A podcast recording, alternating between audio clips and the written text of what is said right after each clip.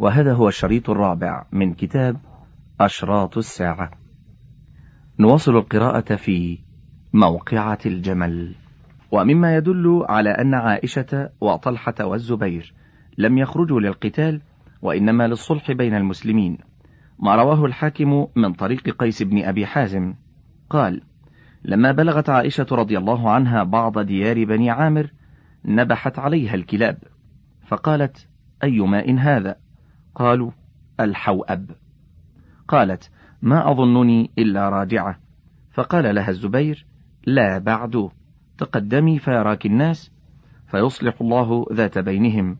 فقالت ما أظنني إلا راجعة. سمعت رسول الله صلى الله عليه وسلم يقول كيف بإحداكن إذا نبحتها كلاب الحوأب؟ حاشية مستدرك الحاكم الجزء الثالث. قال ابن حجر سنده على شرط الصحيح. انظر فتح الباري في الجزء الثالث عشر. وقال الهيثمي رواه أحمد وأبو يعلى والبزار ورجال أحمد رجال الصحيح. مجمع الزوائد الجزء السابع. والحديث في مسند الإمام أحمد في الجزء السادس بهامشه منتخب كنز العمال. انتهت الحاشية. وفي رواية للبزار عن ابن عباس أن رسول الله صلى الله عليه وسلم قال لنسائه أيتكن صاحبة الجمل الأدبب؟ حاشية. الأدبب أي الأدب وهو كثير وبر الوجه. انظر النهاية لابن الأثير في الجزء الثاني. انتهت الحاشية. أيتكن صاحبة الجمل الأدبب؟ تخرج حتى تنبحها كلاب الحوأب. يقتل عن يمينها وعن شمالها قتلى كثيرة وتنجو من بعد ما كادت. حاشية فتح الباري الجزء الثالث عشر. وقال ابن حجر رجاله ثقات وقد أنكر الإمام أبو بكر ابن العربي حديث الحوأب في كتابه العواصم من القواصم وتابعه في ذلك الشيخ محب الدين الخطيب في تعليقه على العواصم وذكر أن هذا الحديث ليس له موضع في دواوين الإسلام المعتبرة. ولكن الحديث صحيح صححه الهيثمي وابن حجر كما سبق. فقد قال الحافظ في فتح الباري في الجزء الثالث عشر في كلامه على حديث الحوأب وأخرج هذا أحمد وأبو يعلى والبزار وصححه ابن حبان والحاكم وسنده على شرط الصحيح وصححه الألباني في سلسلة الأحاديث الصحيحة ورد على من طعن في صحة هذا الحديث وبين من أخرجه من الأئمة. انظر السلسلة. المجلد الأول الجزء الرابع. انتهت الحاشية. قال ابن تيمية إن عائشة لم تخرج للقتال وإنما خرجت بقصد الإصلاح بين المسلمين وظنت أن في خروجها مصلحة للمسلمين. ثم تبين لها فيما بعد أن ترك الخروج كان أولى فكانت إذا ذكرت خروجها تبكي حتى تبل خمارها وهكذا عامة السابقين ندموا على ما دخلوا فيه من القتال. فندم طلحة والزبير وعلي رضي الله عنهم أجمعين. ولم يكن يوم الجمل لهؤلاء يوما يقصدون فيه القتال ولكن وقع الاقتتال بغير اختيارهم. فإنه لما تراسل علي وطلحة والزبير وقصدوا الاتفاق على المصلحة وأنهم إذا تمكنوا طلبوا قتلة عثمان أهل الفتنة. وكان علي غير راض بقتل عثمان ولا معينا عليه كما كان يحلف فيقول والله ما قتلت عثمان ولا مالأت على قتله وهو الصادق البار في يمينه فخشي القتلة أن يتفق علي معهم على إمساك القتلة فحملوا على عسكر طلحة والزبير فظن طلحة والزبير أن عليا حمل عليهم. فحملوا دفعا عن أنفسهم فظن علي أنهم حملوا عليه فحمل دفعا عن نفسه فوقعت الفتنة بغير اختيارهم وعائشة راكبة لا قاتلت ولا أمرت بالقتال وهكذا ذكره غير واحد من أهل المعرفة بالأخبار. حاشية منهاج السنة الجزء الثاني انتهت الحاشية. دال موقعة صفين. ومن الفتن التي وقعت بين الصحابة رضي الله عنهم غير حرب الجمل ما أشار إليه النبي صلى الله عليه وسلم بقوله لا تقوم الساعة حتى تقتتل فئتان عظيمتان يكون بينهما مقتلة عظيمة دعواهما واحدة رواه البخاري ومسلم. حاشية صحيح البخاري كتاب الفتن باب بدون الجزء الثالث عشر مع الفتح. وصحيح مسلم كتاب الفتن وأشراط الساعة الجزء الثامن عشر مع شرح النووي. انتهت الحاشية. رواه البخاري ومسلم. فالفئتان هما طائفة علي ومن معه وطائفة معاوية ومن معه على ما ذكر الحافظ ابن حجر في الفتح. حاشية فتح الباري الجزء الثالث عشر. انتهت.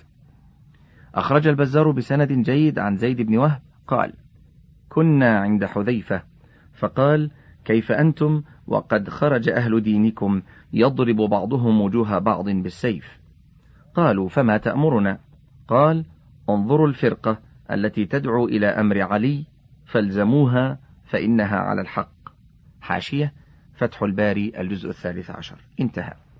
وقد وقعت الحرب بين الطائفتين في الموقعة المشهورة بصفين. حاشية موضع على شاطئ الفرات من الجانب الغربي بقرب الرقة آخر تخوم العراق وأول أرض الشام. انظر معجم البلدان في الجزء الثالث وتعليق الشيخ محب الدين الخطيب على العواصم. انتهت الحاشية. وذلك في ذي الحجة سنة ست وثلاثين من الهجرة وكان بين الفريقين أكثر من سبعين زحفا. قتل فيها نحو سبعين ألفا من الفريقين. حاشية.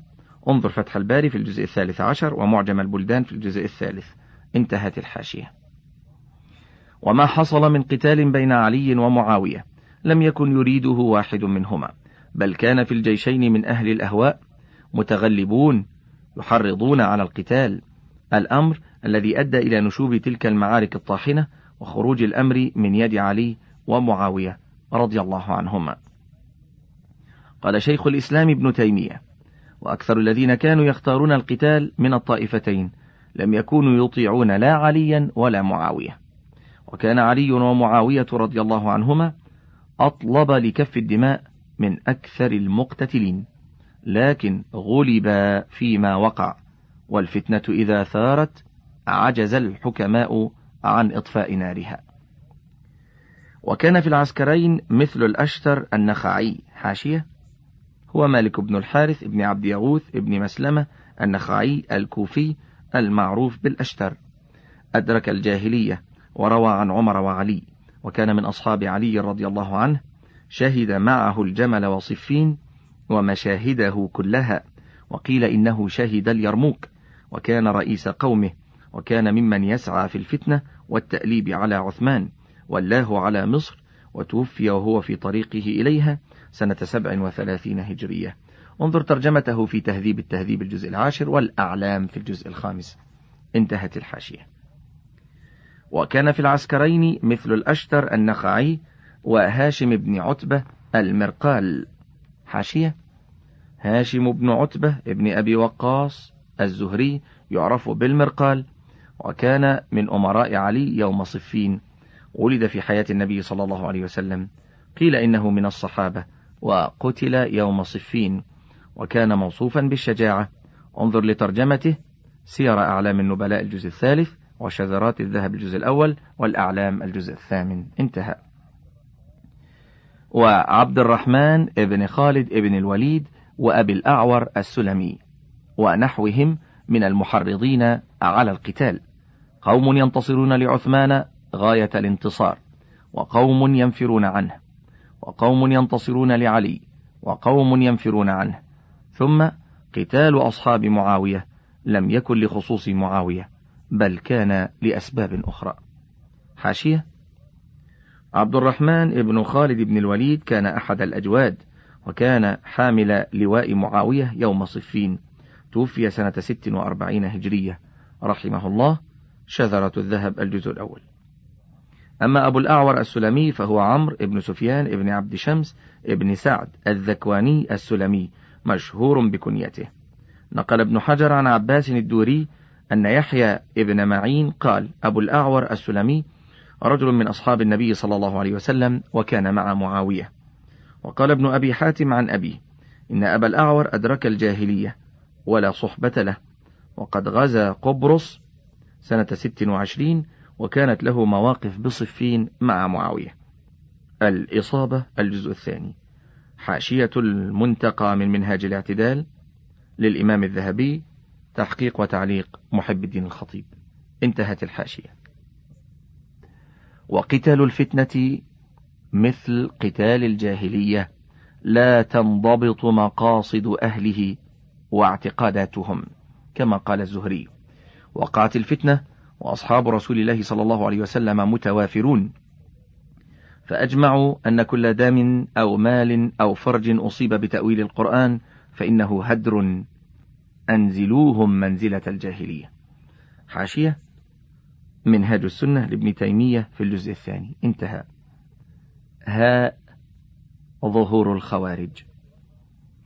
ومن الفتن التي وقعت ظهور الخوارج على علي رضي الله عنه. وكان بداية ظهورهم بعد انتهاء معركة صفين واتفاق أهل العراق والشام على التحكيم بين الطائفتين. وفي أثناء رجوع علي رضي الله عنه إلى الكوفة فارقه الخوارج وقد كانوا في جيشه ونزلوا مكانا يقال له حروراء حاشية؟ قرية على ميلين من الكوفة وإليها نسبت الخوارج فيقال حرورية. انتهت الحاشية.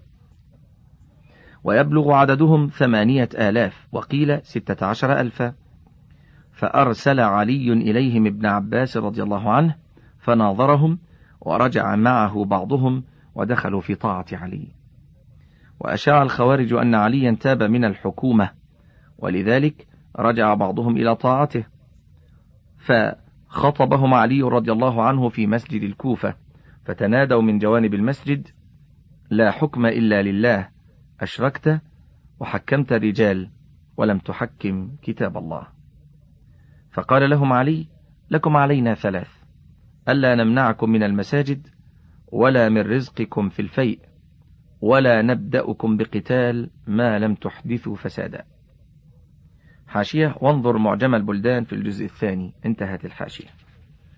ثم إنهم تجمعوا وقتلوا من اجتاز بهم من المسلمين ومر بهم عبد الله بن خباب ابن الأرت ومعه زوجته فقتلوه وبقروا بطن زوجته عن ولدها. فلما علم بذلك أمير المؤمنين علي بن أبي طالب رضي الله عنه وسألهم من قتله فقالوا كلنا قتله. فتجهز علي للقتال والتقى بهم في الموقعة المشهورة بالنهروان فهزمهم شر هزيمة. ولم ينج منهم إلا القليل. حاشية. عبد الله بن خباب بن الأرت التميمي صحابي جليل ولد في زمن النبي صلى الله عليه وسلم فسماه عبد الله وكان هو وعبد الله بن الزبير أول من ولد في الإسلام قتله الخوارج سنة سبع وثلاثين هجرية. الإصابة في تمييز الصحابة في الجزء الثاني. البداية والنهاية الجزء السابع. تجريد أسماء الصحابة الجزء الأول. النهروان هي ثلاثة نهروانات وهي بلاد واسعة قريبة من بغداد بالعراق وأصلها وادي جرار بدايته من أذربيجان ويسقي قرى كثيرة ثم يصب باقيه في دجلة أسفل المدائن ويقال له بالفارسية جروان فعرب في الإسلام فقيل نهروان بفتح النون. انظر معجم البلدان في الجزء الخامس انتهت الحاشية. وقد أخبر النبي صلى الله عليه وسلم بخروج هذه الطائفة في هذه الأمة فقد تواترت الأحاديث بذلك. ذكر منها الحافظ ابن كثير أكثر من ثلاثين حديثا وردت في الصحاح والسنن والمسانيد. حاشية انظر البداية والنهاية في الجزء السابع. انتهى. منها ما رواه أبو سعيد الخدري رضي الله عنه قال قال رسول الله صلى الله عليه وسلم تمرق مارقة عند فرقة من المسلمين يقتلها أولى الطائفتين بالحق. رواه مسلم. حاشية صحيح مسلم كتاب الزكاة باب إعطاء المؤلفة ومن يخاف على إيمانه. الجزء السابع مع شرح النووي. انتهت الحاشية. وعنه رضي الله عنه أنه لما سئل عن الحرورية قال لا أدري ما الحرورية.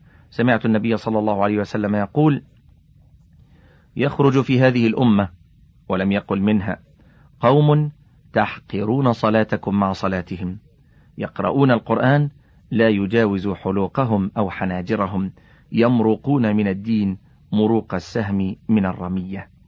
حاشية صحيح البخاري كتاب استتابة المرتدين والمعاندين وقتالهم باب قتل الخوارج والملحدين بعد إقامة الحجة عليهم في الجزء الثاني عشر مع الفتح. انتهت الحاشية.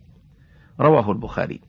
وقد أمر النبي صلى الله عليه وسلم بقتال الخوارج وبين أن في قتلهم أجرا لمن قتلهم وهذا دليل على فساد هذه الطائفة وبعدها عن الإسلام وضررها العظيم على الأمة بما تثيره من فتن وقلاقل.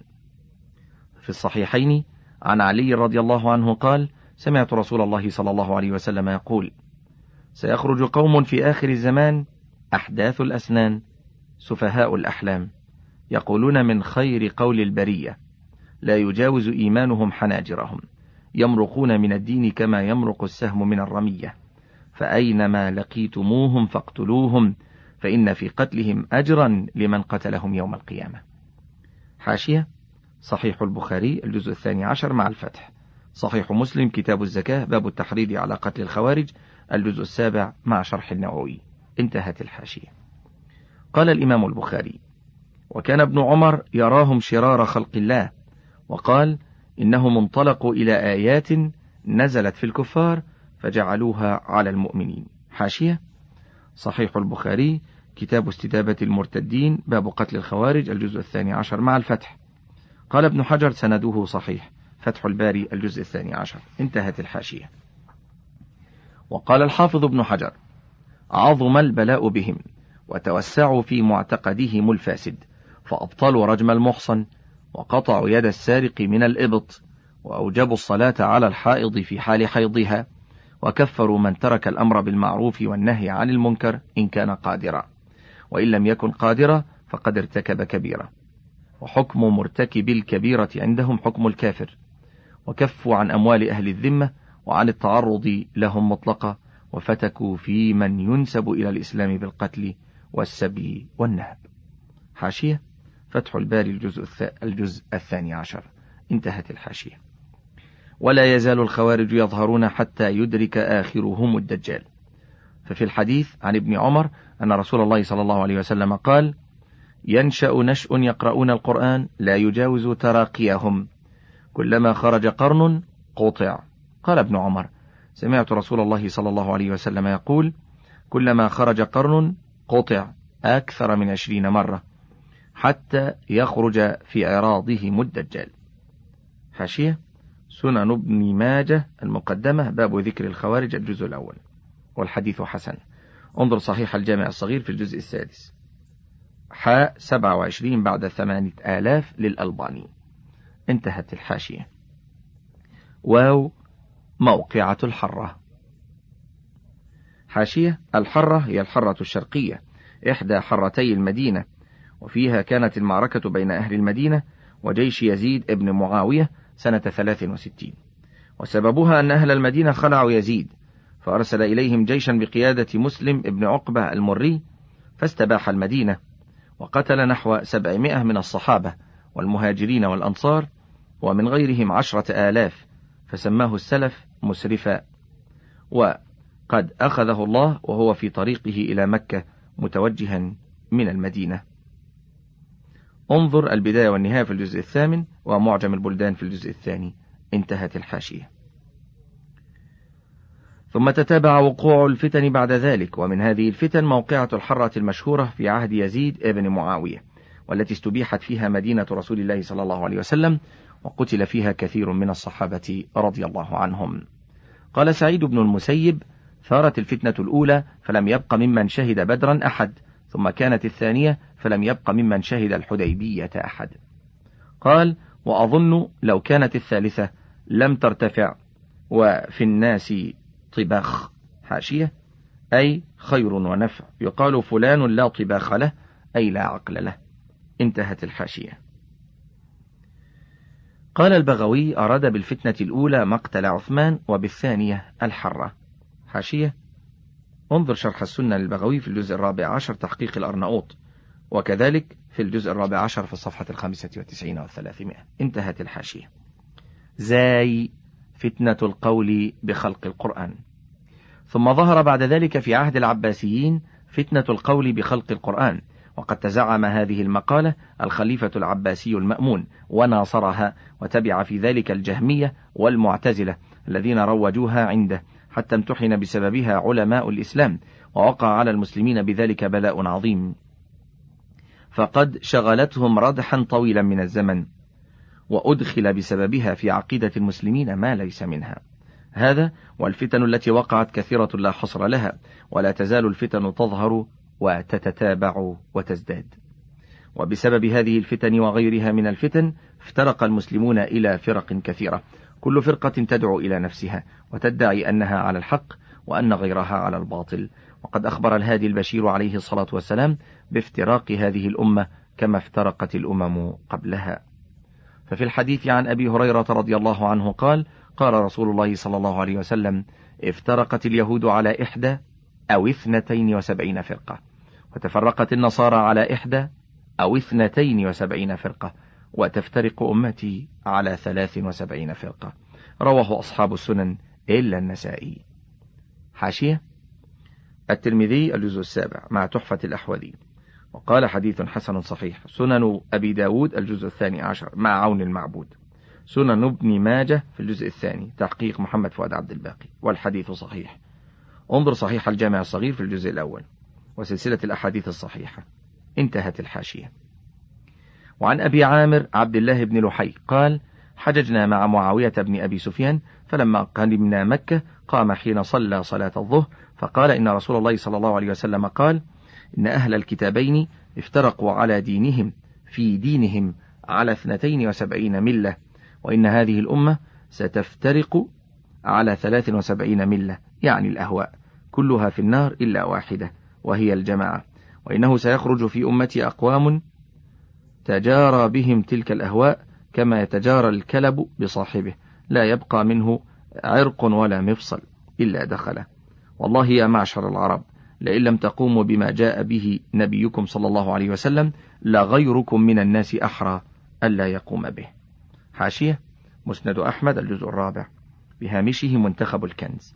سنن أبي داود الجزء الثاني عشر مع عون المعبود. مستدرك الحاكم الجزء الرابع. قال الحاكم بعد سياقه لهذا الحديث وحديث أبي هريرة هذه أسانيد تقام بها الحجة في تصحيح هذا الحديث. حديث صححه الألباني ذكر طرقه في سلسلة الأحاديث الصحيحة رد على من طعن فيه. انظر السلسلة انتهى. حاء اتباع سنن الأمم الماضية. ومن الفتن العظيمة اتباع سنن اليهود والنصارى وتقليدهم. فقد قلد بعض المسلمين الكفار وتشبهوا بهم وتخلقوا بأخلاقهم وأعجبوا بهم وهذا مصداق ما أخبر به النبي صلى الله عليه وسلم. ففي الحديث عن أبي هريرة رضي الله عنه عن النبي صلى الله عليه وسلم أنه قال لا تقوم الساعة حتى تأخذ أمتي بأخذ القرون قبلها شبرا بشبر وذراعا بذراع فقيل يا رسول الله كفارس والروم؟ فقال ومن الناس إلا أولئك رواه البخاري. وفي رواية عن أبي سعيد قلنا يا رسول الله اليهود والنصارى؟ قال فمن؟ حاشية. صحيح البخاري كتاب الاعتصام بالكتاب والسنة باب قول النبي صلى الله عليه وسلم لا تتبعن سنن من كان قبلكم. الجزء الثالث عشر مع الفتح. انتهت الحاشية. رواه البخاري ومسلم. حاشية أخرى. صحيح البخاري الجزء الثالث عشر مع الفتح صحيح مسلم كتاب العلم باب الألد الخصم الجزء السادس عشر مع شرح النووي. انتهت الحاشية. قال ابن بطال. حاشية أبو الحسن علي بن خلف ابن عبد الملك بن بطال القرطبي. روى عن أبي المطرف القنازعي ويونس ابن عبد الله القاضي وله شرح على صحيح البخاري. توفي في صفر سنة تسع, تسع وأربعين وأربعمائة هجرية. رحمه الله. ترجمته شذرات الذهب الجزء الثالث الأعلام الجزء الرابع. انتهت الحاشية. قال ابن بطال أعلم صلى الله عليه وسلم أن أمته ستتبع المحدثات من الأمور والبدع والأهواء كما وقع للأمم قبلهم وقد أنذر في أحاديث كثيرة بأن الآخرة شر والساعة لا تقوم إلا على شرار الناس. وأن الدين إنما يبقى قائما عند خاصة من الناس. وقال ابن حجر وقد وقع معظم ما أنذر به صلى الله عليه وسلم وسيقع بقية ذلك. حاشية. فتح الباري الجزء الثالث عشر مع الفتح. انتهت الحاشية. وفي هذا الزمن كثر في المسلمين من يتشبه بالكفار من شرقيين وغربيين فتشبه رجالنا برجالهم. ونساؤنا بنسائهم وافتتنوا بهم حتى أدى الأمر ببعض الناس أن خرجوا عن الإسلام. واعتقدوا أنه لا يتم لهم تقدم وحضارة إلا بنبذ كتاب الله وسنة نبيه صلى الله عليه وسلم. ومن عرف الإسلام الصحيح عرف ما وصل إليه المسلمون في القرون الأخيرة من بعد عن تعاليم الإسلام وانحراف عن عقيدته فلم يبق عند بعضهم من الإسلام إلا اسمه. فقد حكموا قوانين الكفار وابتعدوا عن شريعة الله. وليس هناك أبلغ مما وصف به النبي صلى الله عليه وسلم المسلمين في اتباعهم ومحاكاتهم للكفار. فقال شبرا بشبر وذراعا بذراع حتى لو دخلوا جحر ضب تبعتموهم. حاشية مر تخريجه في الصفحة التي قبل هذه. انتهى. قال النووي والمراد بالشبر والذراع وجحر الضب التمثيل بشدة الموافقة لهم والمراد الموافقة في المعاصي والمخالفات لا في الكفر. وفي هذا معجزة ظاهرة لرسول الله صلى الله عليه وسلم فقد وقع ما أخبر به صلى الله عليه وسلم. حاشية شرح النووي لمسلم في الجزء السادس عشر. انتهى. هذا والفتن ليس لها حصر ففتنة النساء وفتنة المال وحب الشهوات وحب السلطان والسيادة والزعامة كلها فتن ربما تهلك الإنسان وتعصف به إلى مهاوي الردى نسأل الله العافية والسلامة. سبعة ظهور مدعي النبوة. ومن العلامات التي ظهرت خروج الكذابين الذين يدعون النبوة وهم قريب من ثلاثين كذابا. وقد خرج بعضهم في الزمن النبوي وفي عهد الصحابة ولا يزالون يظهرون. وليس التحديد في الأحاديث مرادا به. كل من ادعى النبوة مطلقة فإنهم كثير لا يحصون. وإنما المراد من قامت له شوكة وكثر أتباعه واشتهر بين الناس. حاشية فتح الباري الجزء السادس. انتهى. ففي الصحيحين عن أبي هريرة رضي الله عنه عن النبي صلى الله عليه وسلم قال لا تقوم الساعة حتى يبعث دجالون كذابون قريب من ثلاثين كلهم يزعم أنه رسول الله.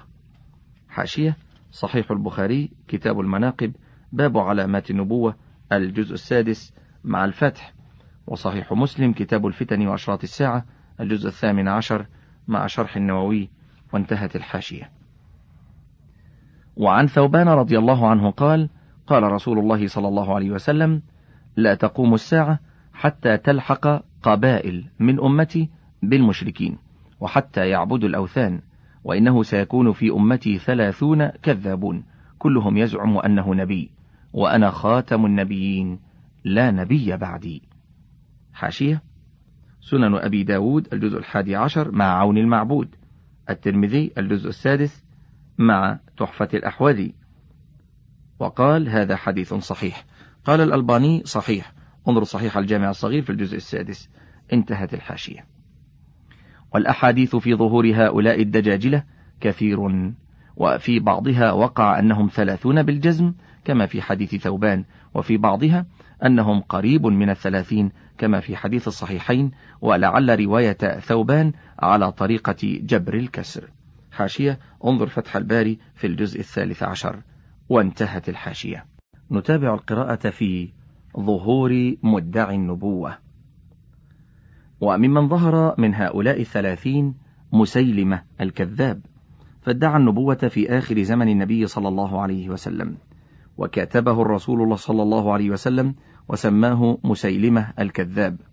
وقد كثر أتباعه وعظم شره على المسلمين حتى قضى عليه الصحابة في عهد أبي بكر الصديق رضي الله عنه في معركة اليمامة المشهورة.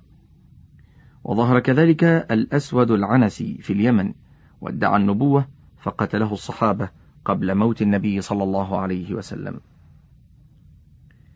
وظهرت سجاح وادعت النبوة وتزوجها مسيلمة ثم لما قتل رجعت إلى الإسلام. وتنبأ أيضا طليحة ابن خويلد الأسدي ثم تاب ورجع إلى الإسلام وحسن إسلامه.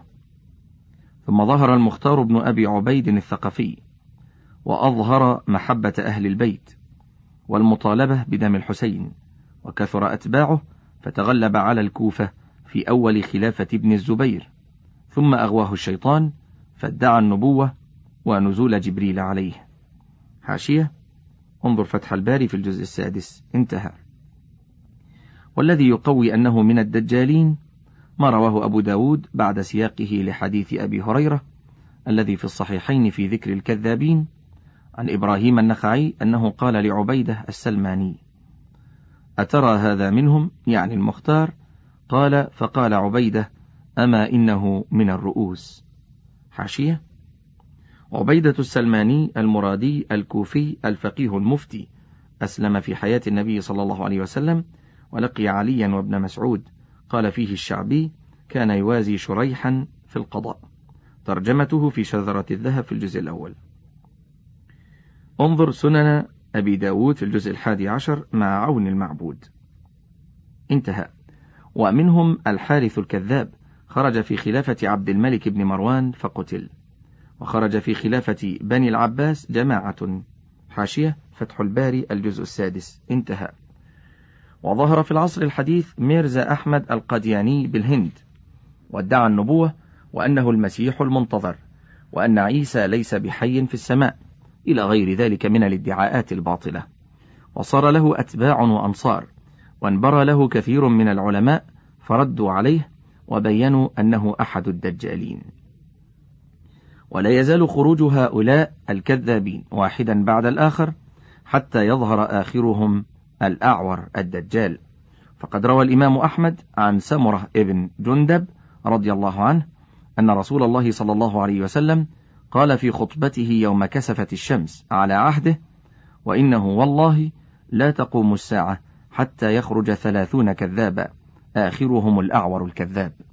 حاشية مسند أحمد الجزء الخامس بهامشه منتخب كنز العمال. انتهى. ومن هؤلاء الكذابين أربع نسوة. فقد روى الإمام أحمد عن حذيفة رضي الله عنه أن نبي الله صلى الله عليه وسلم قال في أمتي كذابون ودجالون سبعة وعشرون منهم أربع نسوة وإني خاتم النبيين لا نبي بعدي. حاشية. مسند أحمد الجزء الخامس وهو صحيح. صحيح الجامع الصغير الجزء الرابع. قال الهيثمي رواه أحمد والطبراني في الكبير والأوسط. والبزار ورجال البزار رجال الصحيح. مجمع الزوائد الجزء السابع. انتهت الحاشية. ثمانية انتشار الأمن. عن أبي هريرة رضي الله عنه قال قال رسول الله صلى الله عليه وسلم لا تقوم الساعة حتى يسير الراكب بين العراق ومكة لا يخاف إلا ضلال الطريق. حاشية. مسند أحمد الجزء الثاني بهامشه منتخب الكنز. قال الهيثمي رواه أحمد ورجاله رجال الصحيح. مجمع الزوائد الجزء السابع. انتهت الحاشية.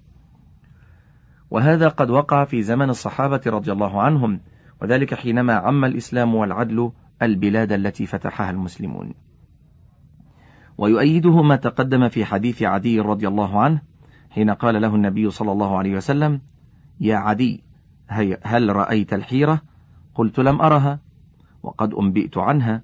قال فإن طالت بك حياة لترين الضعينة ترتحل من الحيرة حتى تطوف بالكعبة لا تخاف إلا الله. حاشية تقدم تخريجه. انتهى. وسيكون ذلك في زمن المهدي وعيسى عليه السلام حينما يعم العدل مكان الجور والظلم. تسعة. ظهور نار الحجاز.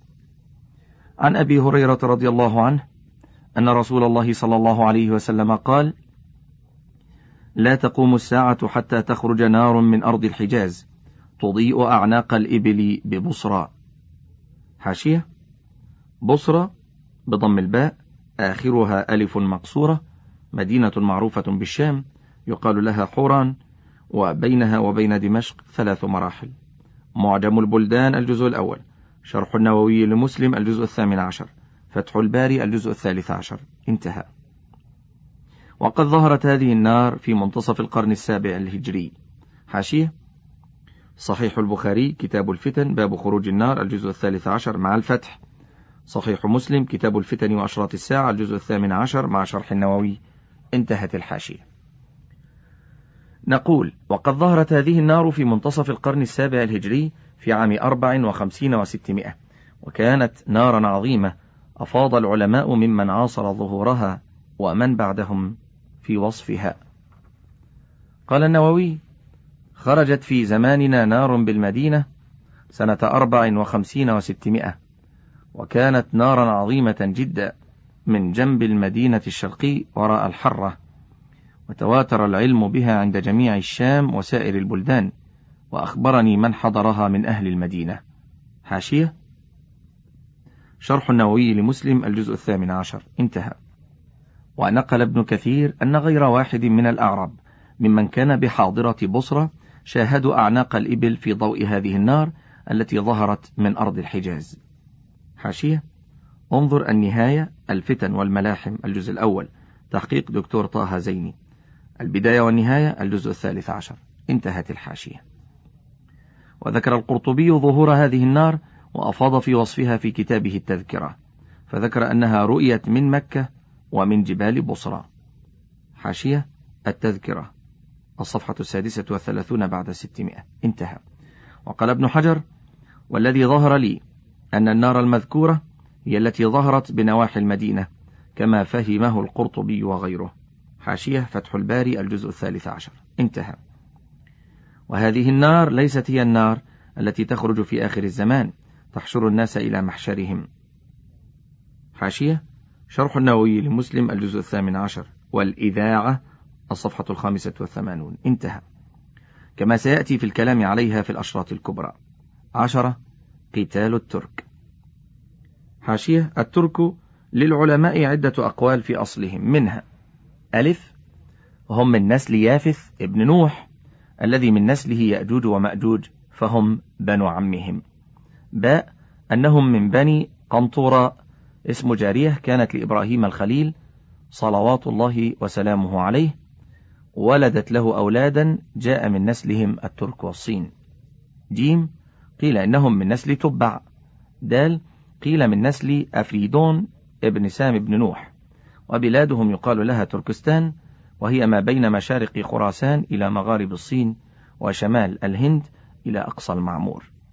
النهاية في غريب الحديث الجزء الرابع ترتيب القاموس المحيط الجزء الثالث معالم السنن السادس معجم البلدان الثاني.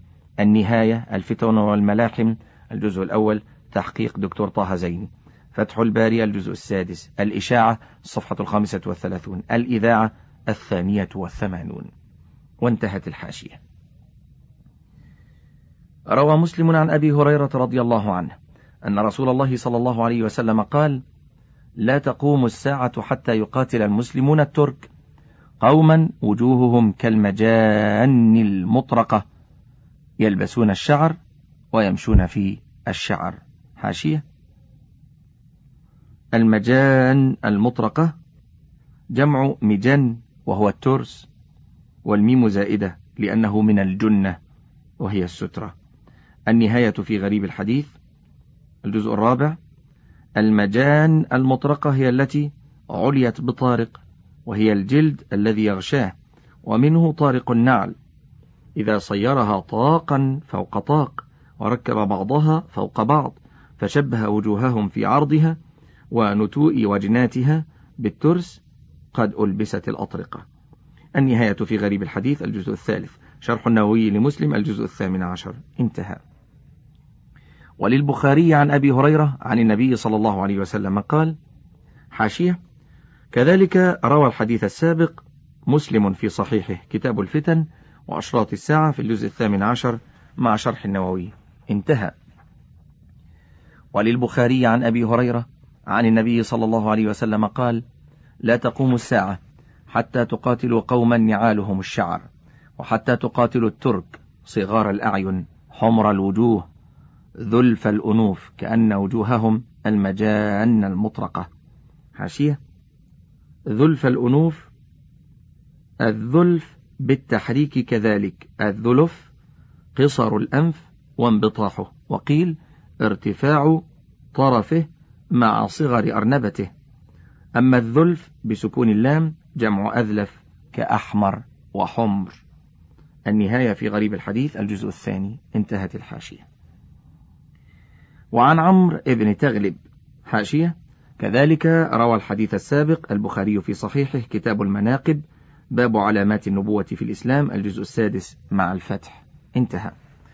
وعن عمرو بن تغلب قال سمعت رسول الله صلى الله عليه وسلم يقول من أشراط الساعة أن تقاتلوا قوما عراض الوجوه كأن وجوههم المجان المطرقة. حاشية. مسند أحمد الجزء الخامس بهامشه منتخب الكنز واللفظ له. صحيح البخاري كتاب الجهاد باب قتال الترك الجزء السادس مع الفتح. انتهت الحاشية. وقد قاتل المسلمون الترك من عصر الصحابة رضي الله عنهم وذلك في أول خلافة بني أمية في عهد معاوية رضي الله عنه.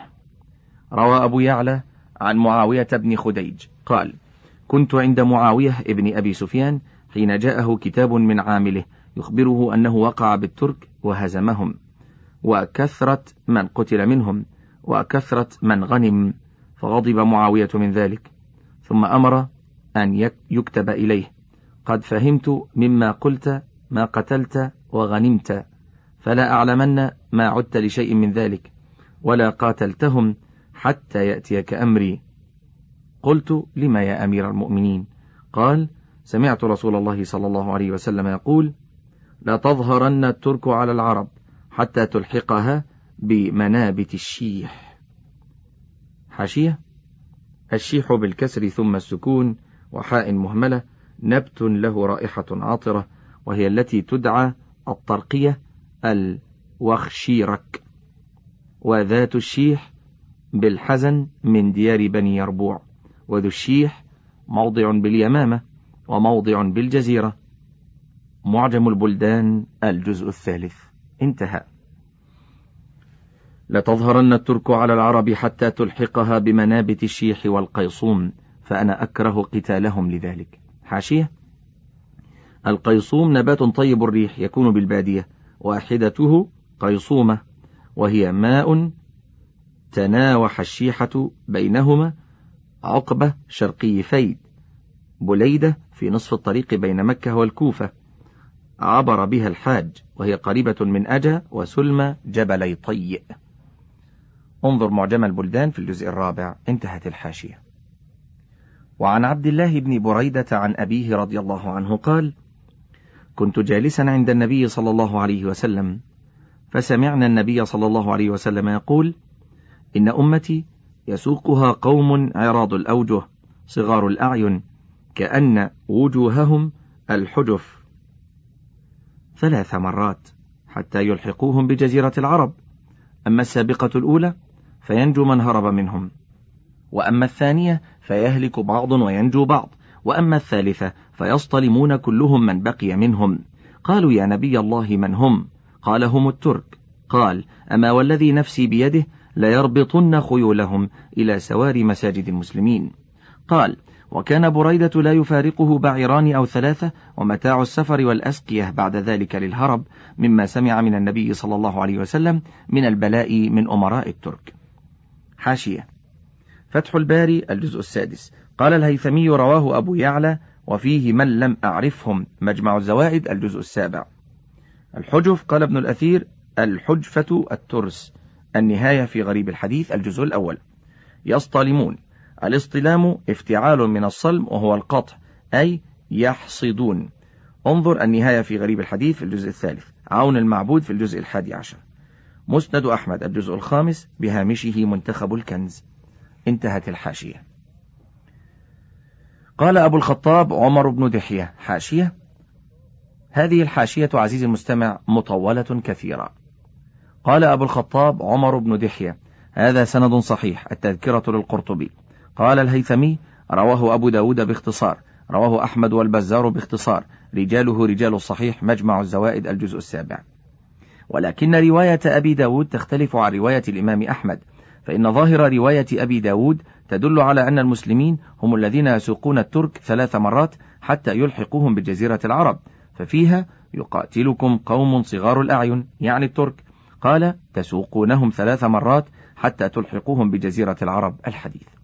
سنن أبي داود كتاب الملاحم باب قتال الترك الجزء الحادي عشر مع عون المعبود. والي قراءة الحاشية المطولة عزيزي المستمع. قال صاحب عون المعبود وعندي أن الصواب هي رواية أحمد. أما رواية أبي داود فالظاهر أنه قد وقع الوهم فيه من بعض الرواة. ويؤيده ما في رواية أحمد من أنه كان بريدة لا يفارقه بعيران أو ثلاثة ومتاع السفر والأسقية بعد ذلك للهرب مما سمع من النبي صلى الله عليه وسلم من البلاء من أمراء الترك. ويؤيده أيضا أنه وقع الشك لبعض رواة أبي داود ولذا قال في آخر الحديث أو كما قال. ويؤيده أيضا أنه وقعت الحوادث على نحو ما ورد في رواية أحمد. عون المعبود الجزء الحادي عشر. أتابع قراءة الهامش المطول. ثم نقل عن القرطبي ما ذكره في خروج الترك وأنهم خرجوا ثلاث مرات على المسلمين وكان خروجهم الأخير تدميرهم بغداد وقتلهم للخليفة والعلماء والأمراء والفضلاء والعباد وأنهم أوغلوا في البلاد حتى ملكوا الشام مدة يسيرة. ودخل رعبهم الديار المصرية إلى أن تصدى لهم الملك المظفر الملقب بقطز في معركة عين جالوت. فكان له النصر والظفر عليهم كما كان النصر لطالوت وتفرقت جموعهم وكفى الله المسلمين شرورهم. التذكرة للقرطبي في الصفحة الثانية والتسعين والخمسمائة. عون المعبود في الجزء الحادي عشر. انتهت الحاشية المطولة. وكان مشهورا في زمن الصحابة رضي الله عنهم حديث اتركوا الترك ما تركوكم. حاشية سنن أبي داود كتاب الملاحم باب في النهي عن تهييج الترك والحبشة الجزء الحادي عشر مع عون المعبود. قال ابن حجر رواه الطبراني من حديث معاوية فتح الباري الجزء السادس. وقال العجلوني قال الزرقاني حسن. وقال في الأصل رواه أبو داود عن رجل من الصحابة عن النبي صلى الله عليه وسلم. رواه النسائي. وكذا الطبراني في الكبير والأوسط عن ابن مسعود رفعه بلفظ اتركوا الترك ما تركوكم. عزيزي المستمع هذه الحاشية كذلك مطولة كثيرة. قال أول من يسلب أمتي ملكهم وما خولهم الله بنو قنطراء ورواه الطبراني عن معاوية بن أبي سفيان مرفوعا بطرق يشهد بعضها لبعض. انظر كشف الخفا ومزيل الإلباس عما اشتهر من الأحاديث على ألسنة الناس. الجزء الأول للعجلوني. تعليق أحمد القلاش وقال الألباني في هذا الحديث إنه موضوع. انظر ضعيف الجامع الصغير في الجزء الأول. وقال السخاوي بعد ذكر من رواه ولا يسوغ معها الحكم عليه بالوضع. وقد جمع الحافظ ضياء الدين المقدسي جزءا في خروج الترك. سمعناه.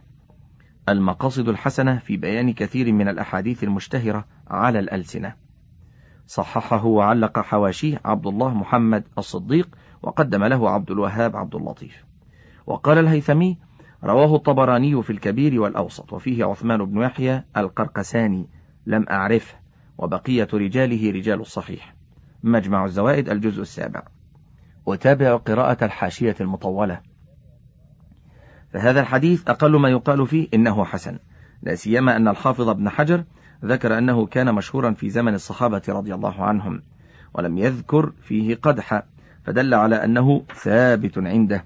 وقد وجدت أن الألباني قد استشهد, بحديث دعوا الحبشة ما دعوكم واتركوا الترك ما تركوكم. وقال اللفظة دعوا الحبشة ما ودعوكم واتركوا الترك ما تركوكم. قال في سنده هذا إسناد لا بأس به في الشواهد رجاله كلهم ثقات غير أبي سكينة هذا. قال الحافظ في التقريب قيل اسمه محلم مختلف في صحبته. قلت أي الألباني إذا لم تثبت صحبته فهو تابعي مستور. روى عنه ثلاثة فالحديث شاهد حسن. سلسلة الأحاديث الصحيحة في المجلد الثاني.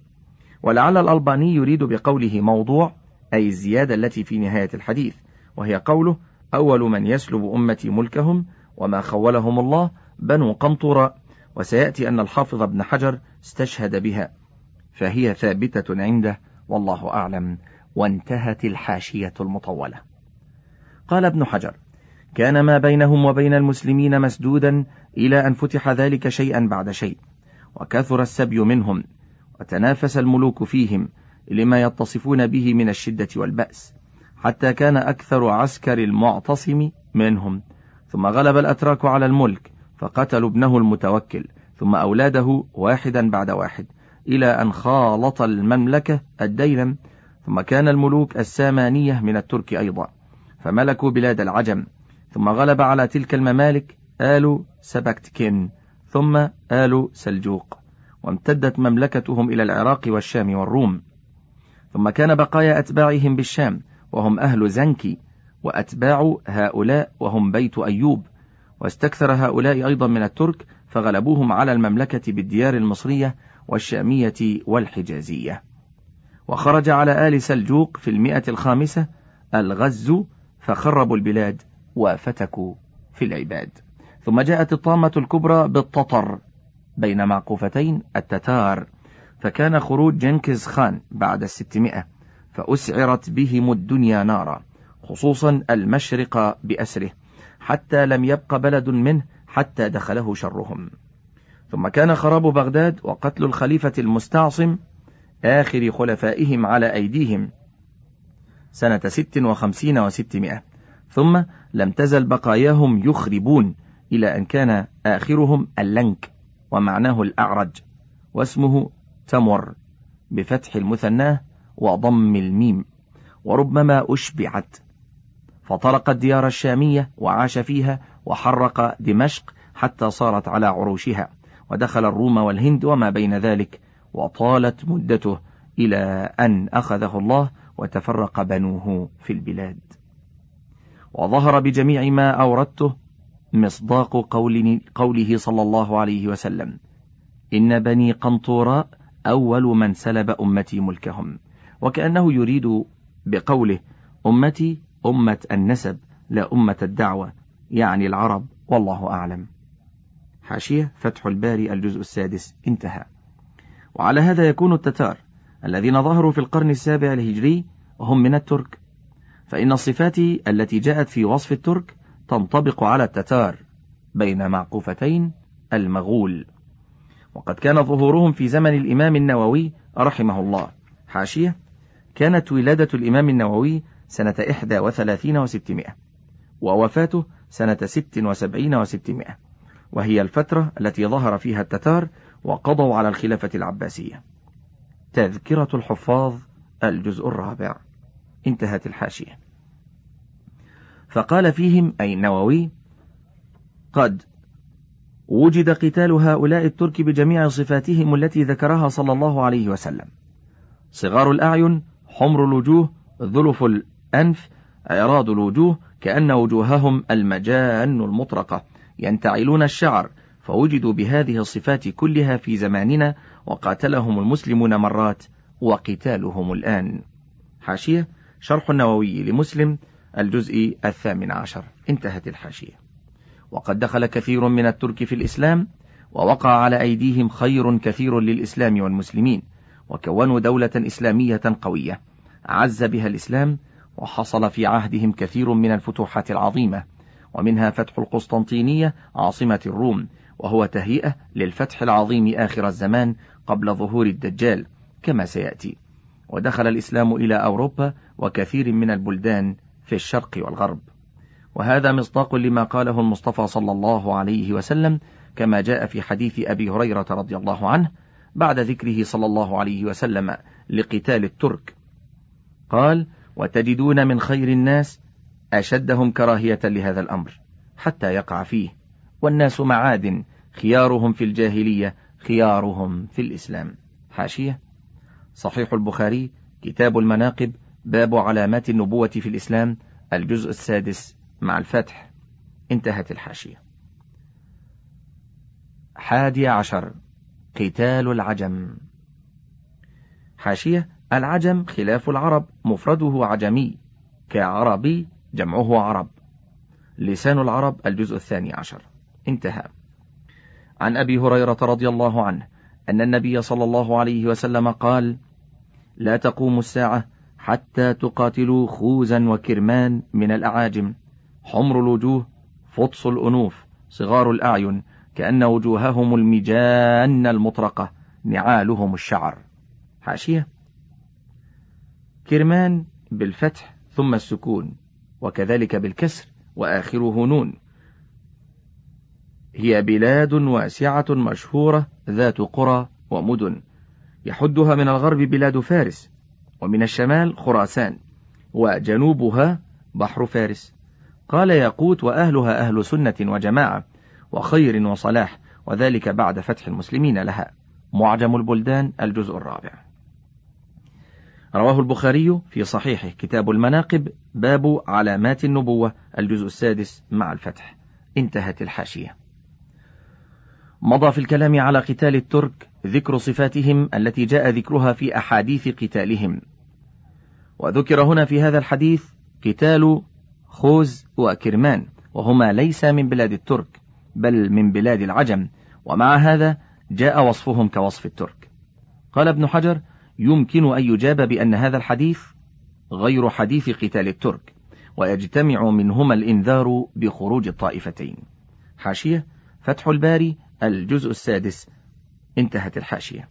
قلت ويؤيد هذا ما رواه سمرة رضي الله عنه قال قال رسول الله صلى الله عليه وسلم يوشك أن يملأ الله عز وجل أيديكم من العجم ثم يكونون أسدا لا يفرون فيقتلون مقاتلتكم ويأكلون فيئكم. حاشية مسند أحمد الجزء الخامس بهامشه منتخب الكنز. قال الهيثمي رواه أحمد والبزار والطبراني ورجال أحمد رجال الصحيح مجمع الزوائد الجزء السابع. وانتهت الحاشية. انتهى الشريط الرابع من كتاب أشراط الساعة وله بقية على الشريط الخامس.